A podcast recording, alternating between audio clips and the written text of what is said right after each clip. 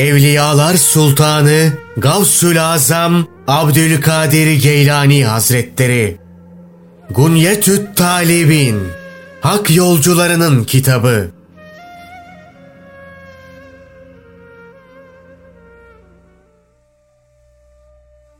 Kur'an ve hadislerden öğütler Tövbeye dair Hepiniz hata ve kusurlarınızdan duyduğunuz pişmanlıkla Allah'a yönelin ki esenlik ve mutluluğa erişesiniz. Ayetteki tövbe emri herkese yöneliktir. Sözlükte tövbe dönmek demektir. Arapçada falanca bir şeyden döndü anlamında tabe fulan min keza denir. Dini terminolojide tövbe, dinin tasvip etmediği bir davranıştan vazgeçerek övdüğü ve yerinde bulduğu bir davranışa yönelmek ve günahların helake sebep olduğunu ve Allah'tan ve cennetinden uzaklaştırdığını, günahları terk etmenin ise Allah'a ve cennetine yaklaştırdığını bilmektir. Bütün bu açıklamalar ışığında yukarıdaki ayetin açılımının şöyle olduğunu söyleyebiliriz. Nefslerinizin arzularından ve şehvetlerinizin esiri olmaktan vazgeçin ki ahirette benim katımda bulmak istediklerinizi bulabilirsiniz. Sonsuzluk yurdunda nihayeti olmayan nimetlere kavuşabilirsiniz. Kurtuluşa ererek rahmetimle iyi kullar için hazırlanmış olan cennete girebilirsiniz. Bir diğer ayette ise Allah Celle Celaluhu müminlere daha özel bir tövbe etmelerini emrederek şöyle buyurmuştur. Ey müminler! Son derece içtenlikle tövbekar olup Allah'a yönelin. Böyle yaptığınız takdirde Rabbinizin günahlarınızı görmezden gelip affedeceği ve sizi içinde ırmakların çağıldadığı cennetlere yerleştireceği ümidini taşıyabilirsiniz.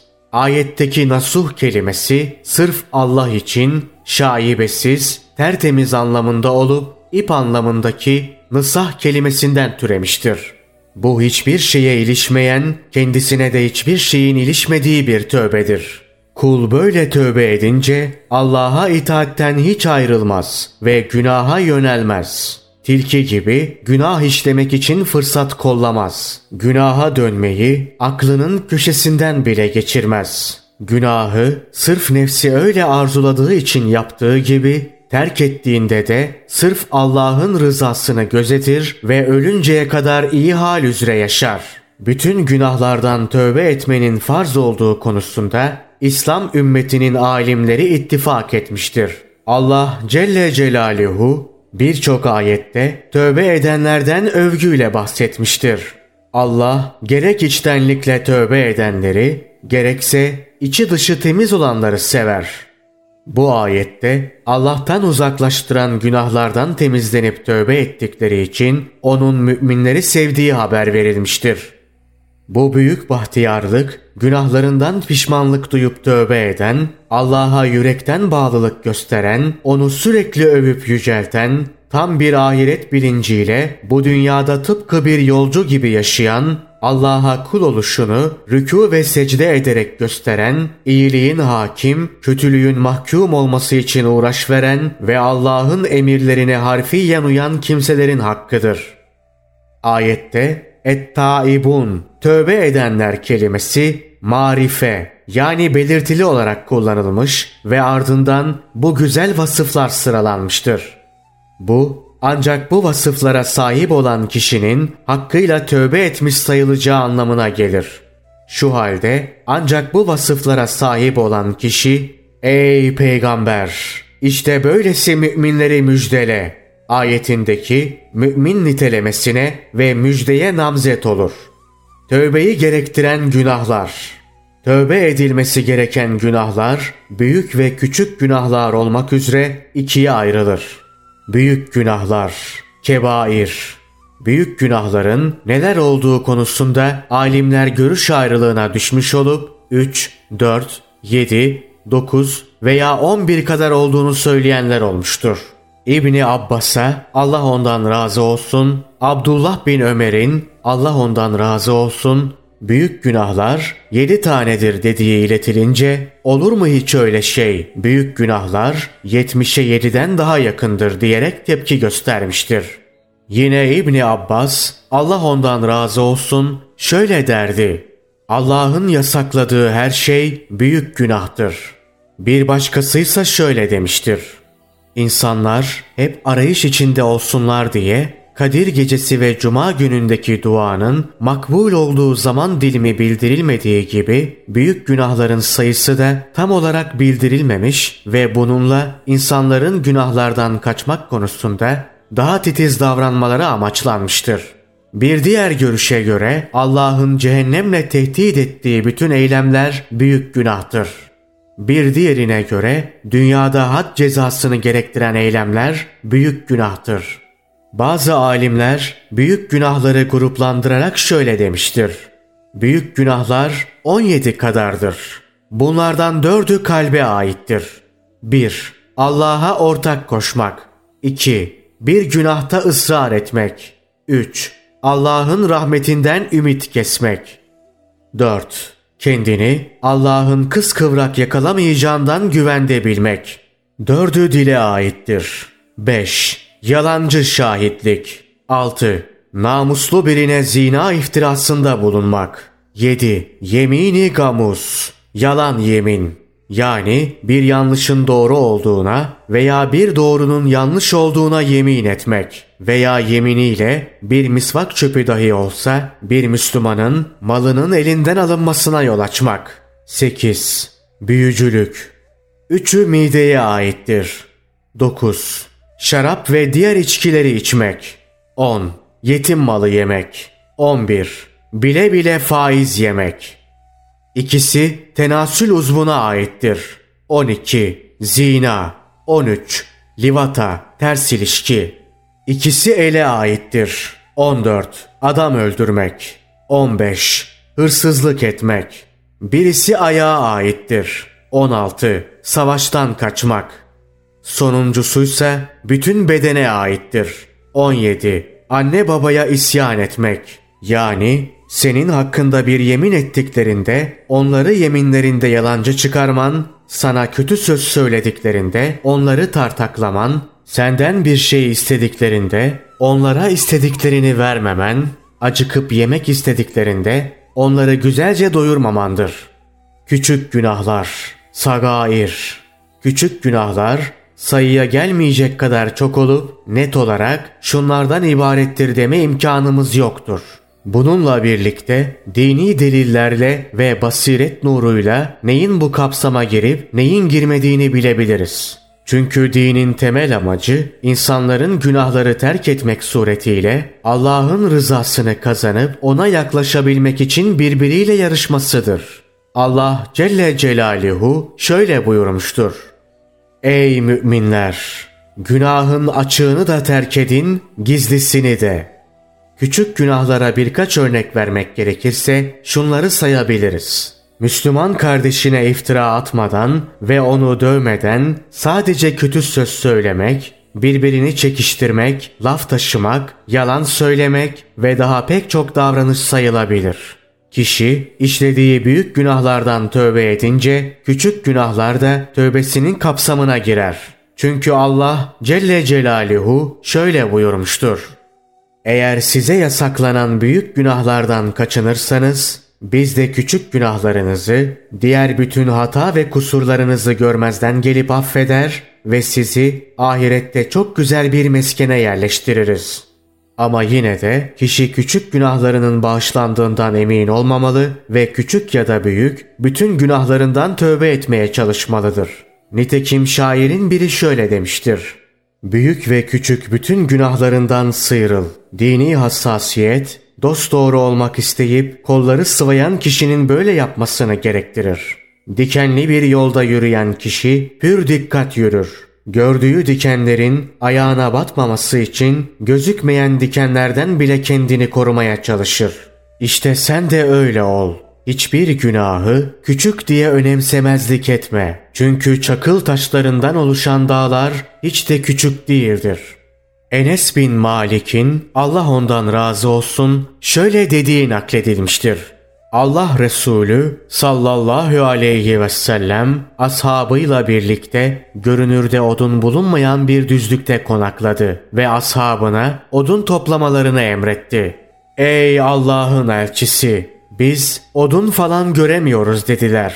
Hazreti Peygamber sallallahu aleyhi ve sellem topladığınız hiçbir şeyi küçümsemeyin buyurdu. Bunun üzerine herkes iri ufak demeden ne bulduysa toplamaya çalıştı ve nihayet epeyce odun topladılar. Hazreti Peygamber sallallahu aleyhi ve sellem ashabına buyurdu. Görüyorsunuz değil mi? Dişe dokunmaz sanılan iyilik ve kötülükler de işte böyledir. Küçük günahlar, büyük günahlar, iyilikler ve kötülükler bu şekilde bir araya gelerek koskocaman olur. Şöyle denilmiştir. Bir günah kulun gözünde küçülünce Allah'ın gözünde büyür. Kulun gözünde büyüyünce Allah'ın gözünde küçülür. Bir mümin küçük bir günahı imanının ve marifetinin büyüklüğünden dolayı büyük görür. Nitekim Hazreti Peygamber sallallahu aleyhi ve sellemin şöyle buyurduğu nakledilmiştir.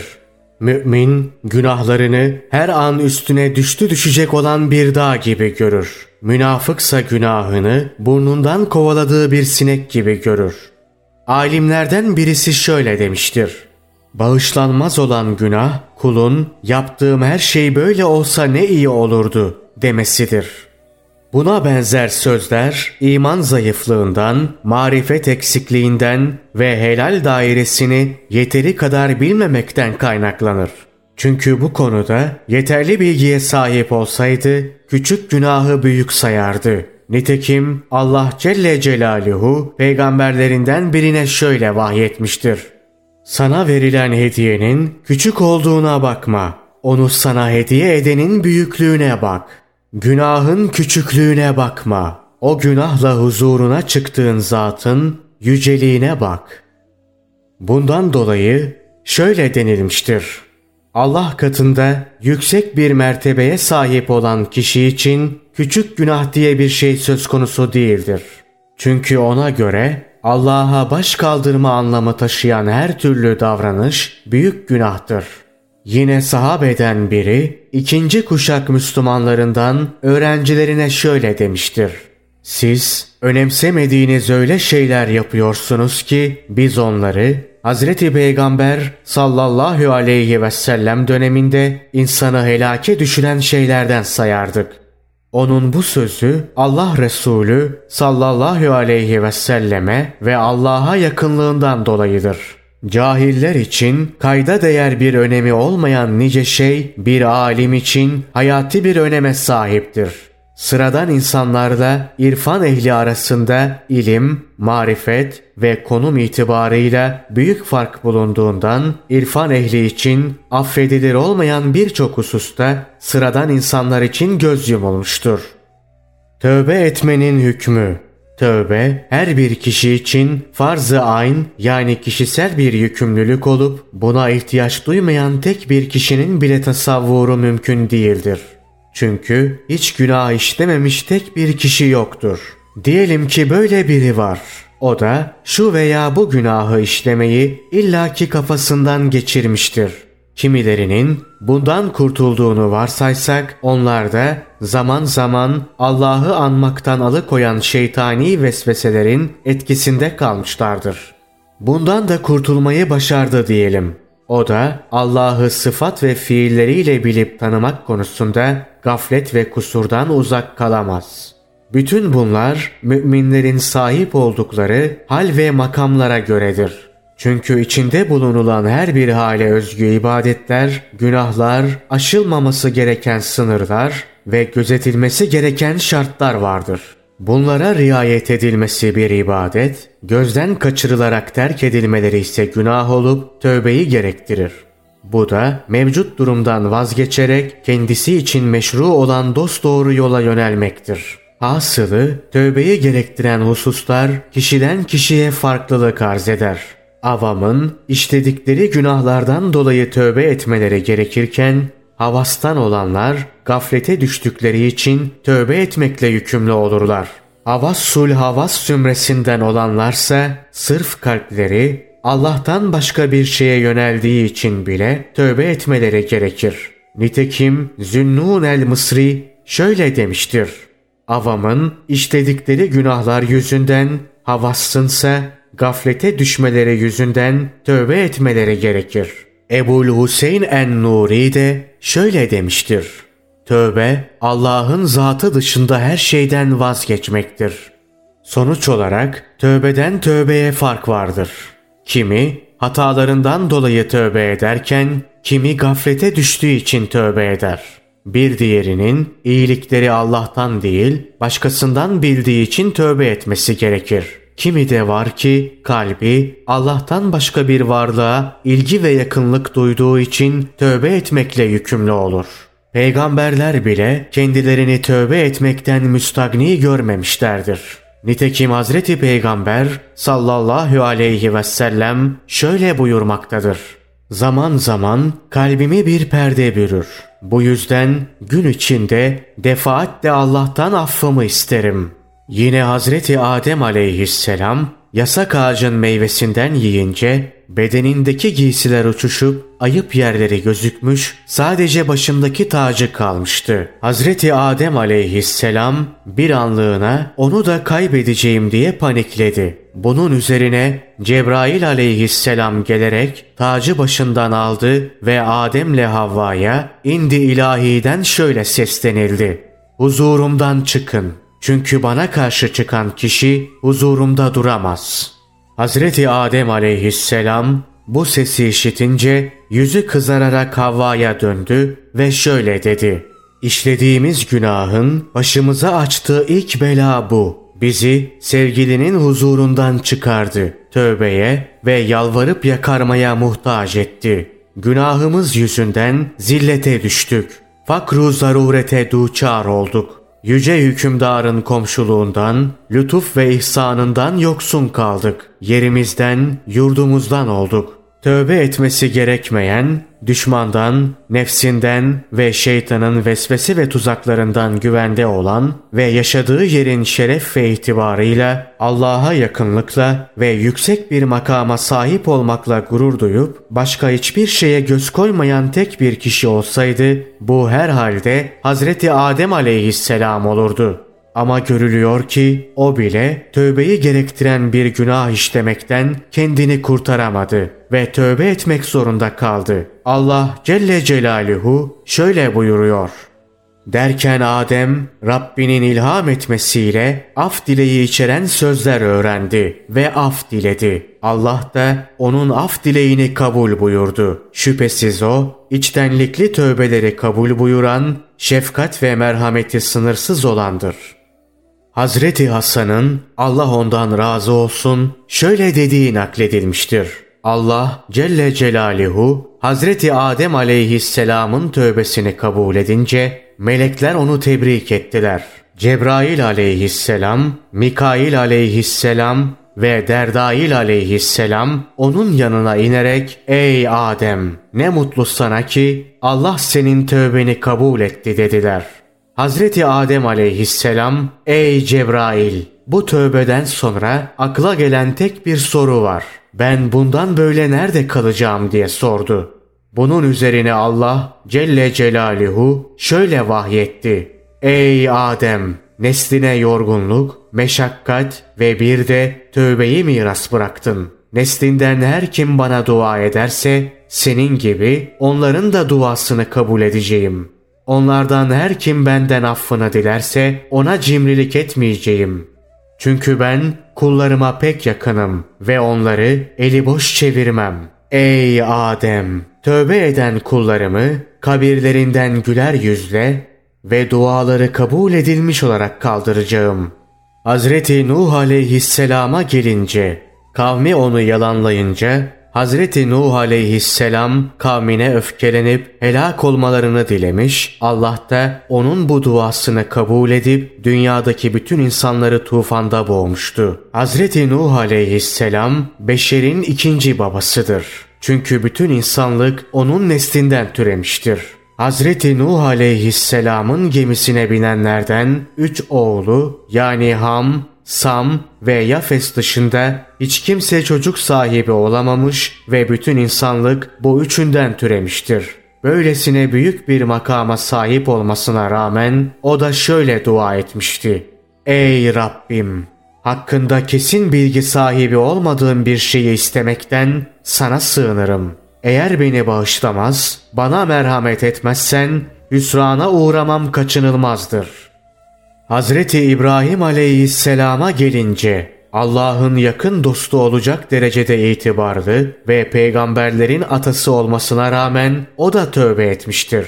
Nakledildiğine göre neslinden 4000 peygamber gelmiştir. Hepsine salat ve selam olsun. Allah Celle Celaluhu onun hakkında şöyle buyuruyor. Onun soyunu yeryüzünde kalıcı kıldık. Efendimiz Hazreti Muhammed sallallahu aleyhi ve sellem, Hazreti Musa aleyhisselam, Hazreti İsa aleyhisselam, Hazreti Davud aleyhisselam, Hazreti Süleyman aleyhisselam ve daha nice peygamber onun soyundan gelmiştir. Bunca büyüklüğü ve itibarına rağmen o da tövbe ederek şöyle dua etmiştir. Odur beni yaratan, odur bana yol gösteren, odur beni doyuran, odur beni içiren, hastalandığım zaman odur bana şifa veren.'' Canımı alacak ve günü geldiğinde tekrar hayata kavuşturacak olan da O'dur. Hesap günü günahlarımı bağışlayacağı ümidini beslediğimde yine O'dur. Bir duası da şudur. Ey Rabbimiz!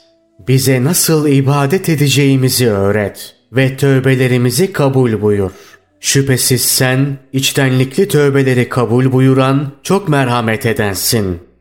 Hazreti Musa aleyhisselama gelince, Hazreti Musa aleyhisselam Allah'ın seçkin kulu olacak derecede büyük bir itibara sahipti. Allah Celle Celaluhu onu beyaz el, asa ve benzeri dokuz mucizeyle desteklemiş, İsrail oğullarıyla birlikte çölde yaşarlarken kudret elvası, bıldırcın ve geceleyin etrafı aydınlatan direk gibi nice nimetler lütfetmişti. O da şöyle tövbe etmiştir. Ey Rabbim! Beni ve kardeşimi bağışla. Bize acıyıp merhamet buyur.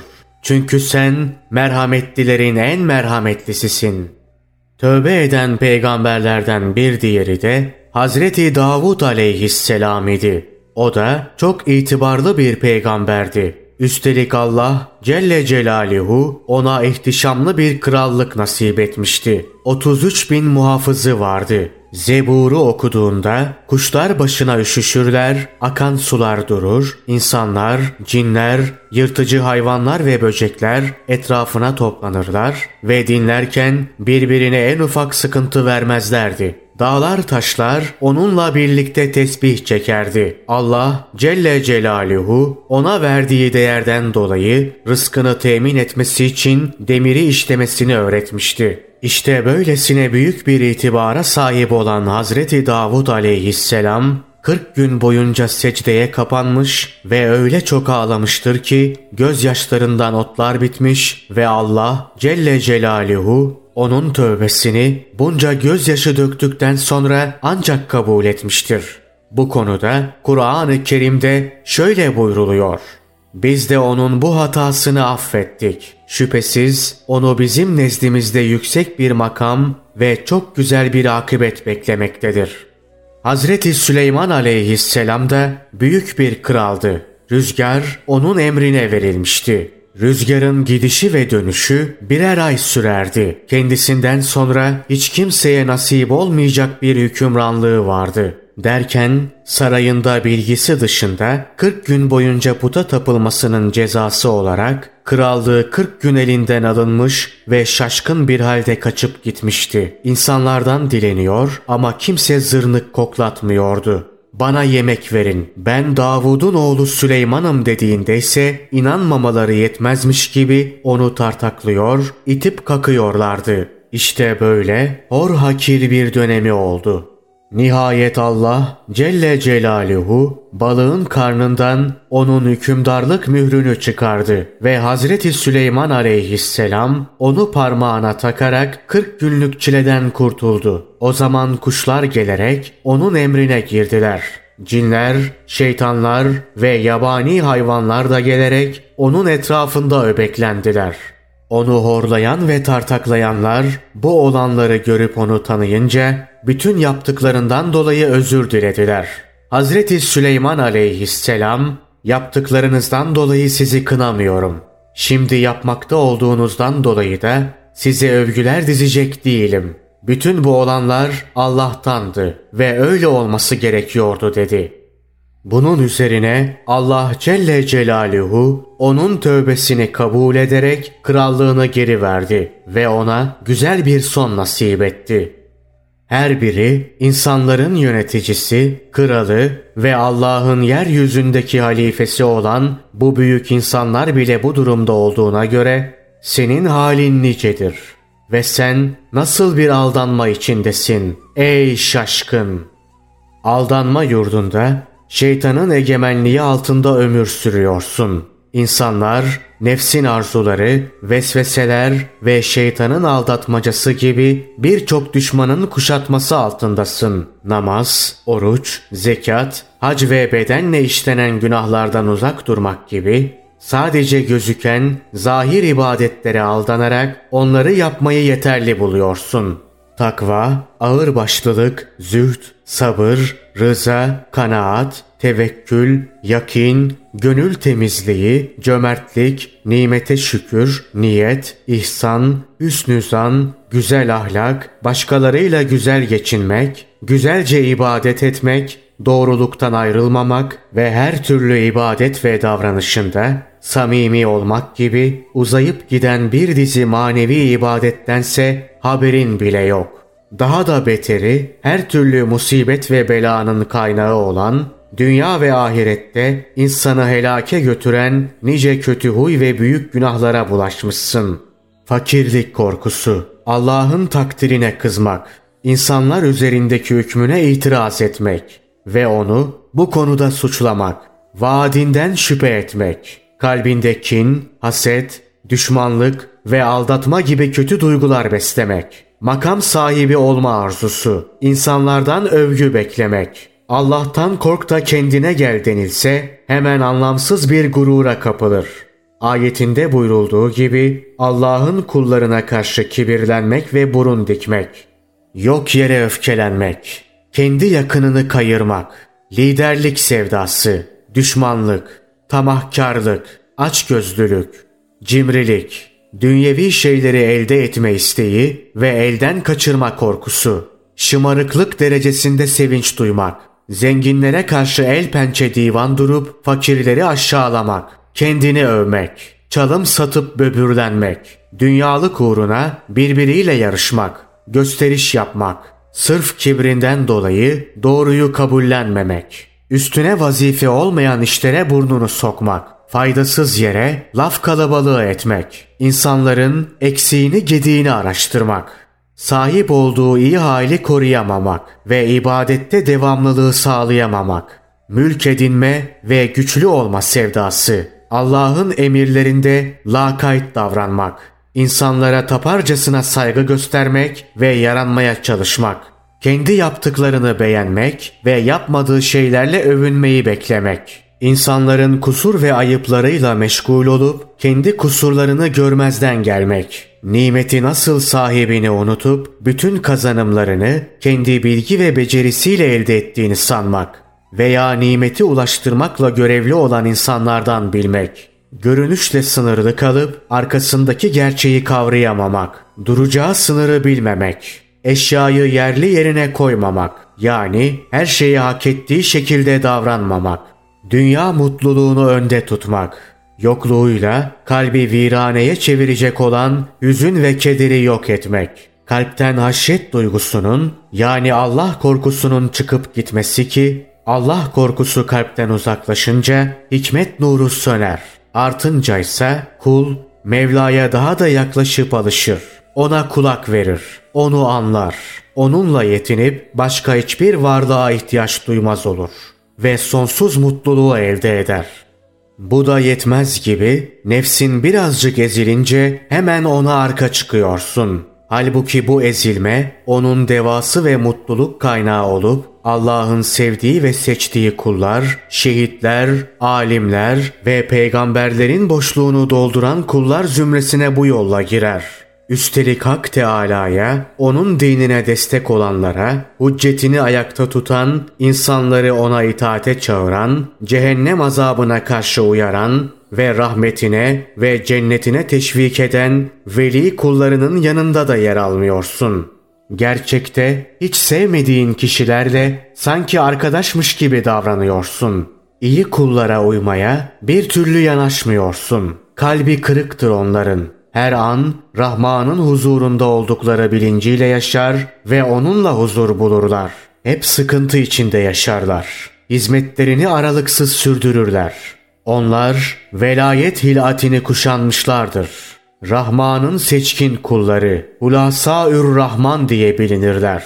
Hayattayken fitne ve musibetten, kabre ilk giriş korkusundan ve kabrin sıkıştırmasından, kıyamet gününde ise inceden inceye hesaba çekilmekten ve yalnız kalmaktan güvendedirler. Sonsuzluk yurdunda yaşarlar ve neşeleri hiç bitmez. Her an yeni bir lütuf ve güzelliğe mazhar olurlar. Sense sana bahşedilen dünya nimetlerine kandın. Her türlü meşakkatten kurtulup önceden başkalarına aitken onlardan sana geçen nimet ve lütufların elinden hiç alınmayacağını sandın. Bu nimet ve lütuflar önceden Firavun, Haman, Karun, Şeddad, Ad, Kayser ve Kisra gibi geçmiş krallara ve yok olup giden milletlere aittiler. Dünya onları oyuncak etti, kuruntularına aldandılar ve nihayet Allah'ın fermanı geldi ve şeytan onlara Allah'ı unutturup aldattı. Arzuladıkları ve biriktirip harcadıkları her neleri varsa hepsinden oldular. Kendilerine bahşedilen her şeyden koparıldılar. Rahat etmek için döşedikleri yatakları altlarından alındı. Sapa sağlam inşa ettikleri saraylarından alaşağı edildiler. Elde ettikleri şeref ve itibardan oldular. Sahip olduklarını zannettikleri hükümranlıklarına son verildi. Korumaları için kendilerine verilen emanetlerin hepsi birer birer kendilerinden talep edildi. Allah'tan hiç beklemedikleri bir darbe yediler. Kötülükleri kendilerine birer birer söylendi. İşledikleri günahların her birinin hesabını verdiler. Dünyadayken başkalarını aldattıkları daracık zindanlara kendileri düştüler. Başkalarına reva gördükleri en kötü işkencelere kendileri maruz kaldılar. Ateşle yakıldılar, ellerinden ve ayaklarından demir zincirlere vuruldular. Dikenli bitkiler yediler. Sıcak su ve irin havuzundan irin içtiler. Sen geçmiş ümmetlerden ders çıkarmaz, esir edilip ailelerinden ayrı düşenlerden ibret almaz mısın? Görüyorsun ya, bırakıp gittikleri malların ve inşa ettikleri sarayların sahibi olduklarını iddia etmişlerdi. Ama sürüldüler ve ellerinde avuçlarında hiçbir şeyleri kalmadı. Çünkü o sarayları zulm ile abad etmişlerdi. Yaşadıkları dönemlerde nicelerinin namusuna el uzattılar. Nicelerinin sırtına bastılar ve nicelerinin kellesini uçurdular. Nice ihtiyaç sahibi zavallıyı gözü yaşlı bıraktılar. Nice soylu zengini fakirliğin pençesine düşürüp aşağıladılar. Nice bidati ve kötü adeti kanunlaştırıp sonrakilere miras bıraktılar. Nice bilgenin kalbini kırıp incittiler. Onların zulümleri yüzünden gecenin sessizliğinde nice buruk kalplinin duası ve yakarışı arş-ı alaya ulaştı. Onlar yüzünden başlarına gelen musibeti kaldırmasını dilediler ve onları Allah'a havale ettiler.'' Bunu duyan melekler derhal koşarak hiç kimseye zulmetmeyen ve herkese adaletiyle muamele eden yüce hükümdarın kapısına varıp durumu arz ettiler. Onların gönüllerindekini bilen, gizledikleri ve açığa vurdukları her şeyden haberdar olan Allah da katına yükselen şikayetlere karşılık er ya da geç size mutlaka yardım edeceğim buyurdu ve onların hepsini biçilmiş ekine çevirdi.'' Şimdi bak bakalım. Onlardan geriye kalan bir şey görebiliyor musun? Allah Celle Celaluhu geçmiş ümmetlerden kimini boğarak, kimini hak ile yeksan ederek, kimini fırtınayla, kimini de canlarını toptan alarak helak etti. Kiminin suretini maymuna çevirdi, kimini de manen dönüştürerek kalplerini taş gibi katılaştırdı. Kalplerine inkar ve şirk mührü vurarak onları karanlığa mahkum etti. Bundan dolayı kalplerine ne İslam ne de iman girebildi. Sonra da onları hiç beklemedikleri bir anda kıskıvrak yakalayıverdi ve cehenneme attı. Onların derileri ateşte kavrulup acı duymaz hale geldikçe azabın dayanılmaz acısını sürekli tatmaları için derilerini tazeleyeceğiz. Onlar sonsuza kadar azap ve ateş içinde kalacaklar, orada boğazdan geçmeyen şeyler yiyecekler ve acı bir azaba duçar olacaklardır. Gökler ve yeryüzü yerinde durduğu sürece cehennemde kalacaklar. Orada ne ölecekler ne de bir gün gelip oradan çıkacaklardır. Onların azabının ve orada kalış sürelerinin bir nihayeti yoktur. Günleri çok zor geçecek, rahat yüzü göremeyecekleri gibi ölemeyecekler de. Hiçbir beklentileri kalmayacak ve sesleri de kesilecek. Kalpleri darmadağın olacak. Dilleri düğümlenecek ve kendilerine şöyle denilecektir. Yıkılın karşımdan. Sesinizi de kesin ve sakın bana bir şey söylemeye kalkışmayın. Ey zavallı! Sen sen ol da bunların izinden yürüyüp yaptıklarını yapayım deme. Aksi halde tövbe etme imkanı bulamadan ölür ve sunacak bir mazeret tasarlayamadan, verecek bir cevap hazırlayamadan kıskıvrak yakalanırsın ve onların maruz kaldıkları azap seni de bulur.''